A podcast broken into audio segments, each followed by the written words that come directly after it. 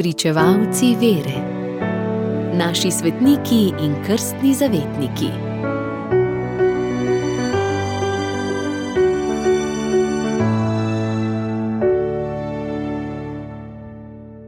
Danes, 1. marca, goduje sveti Albin, opat in škof iz 6. stoletja.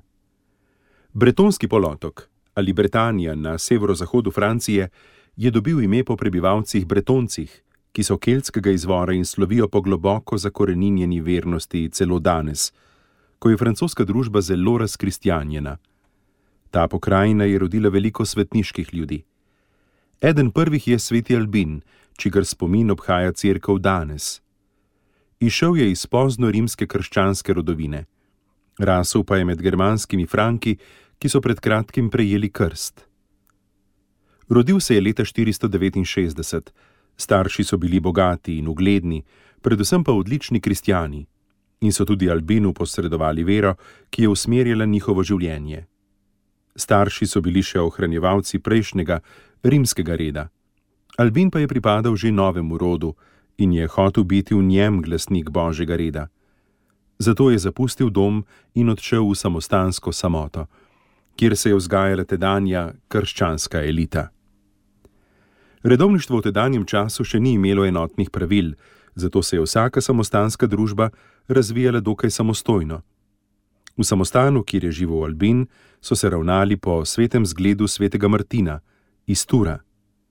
Že zgodaj je bil vodilna osebnost svoje okolice, v meniškem življenju pa vsem zgled. Ko mu je bilo 35 let, so ga izvolili za opata. Službo predstojnika na jugu Bretonskega polotoka je upravljal 25 let. Leta 529 je bil na željo ljudstva izbran za škofa. In 60-letni opat je nerad zapustil samostansko zatišje, ko pa je bil sredi sveta, je pokazal enako odločnost in junaštvo, s kakršnim je svojo voljo podrejal ljubezni do Kristusa kot menih. V tej težavni službi je ustal 20 let. Trudil se je, da olajša bedo siromakom, če treba tudi v spopadih z bogataši in mogočneži v tedajni družbi, ki so bili kristijani le po imenu, po mišljenju in navadah pa so ostali pogani. Njegov življenjepisec Venanci Fortunat ga primerja s strogim Janezom Krstnikom in zatrjuje, da ni moč povedati, koliko je škof Albin prestal, ko je odstranjeval polovičarstvo in zanikrnost v verskem življenju. Njegova posebna skrb je veljala v urejanju dobrega družinskega reda.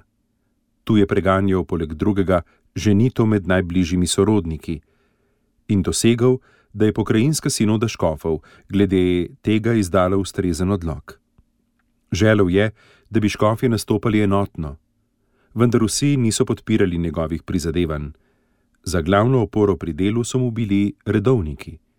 Kljub vsem težavam in razočaranjem je ustrajal, ker mu je ljudstvo močno zaupalo in se rado zatekalo k njemu po pomoč. Sveti Albin je priprošnik pri otroških boleznih, upodabljajo pa ga, kako daje slepemu vid. Radio Ognišče, vaš duhovni sopotnik.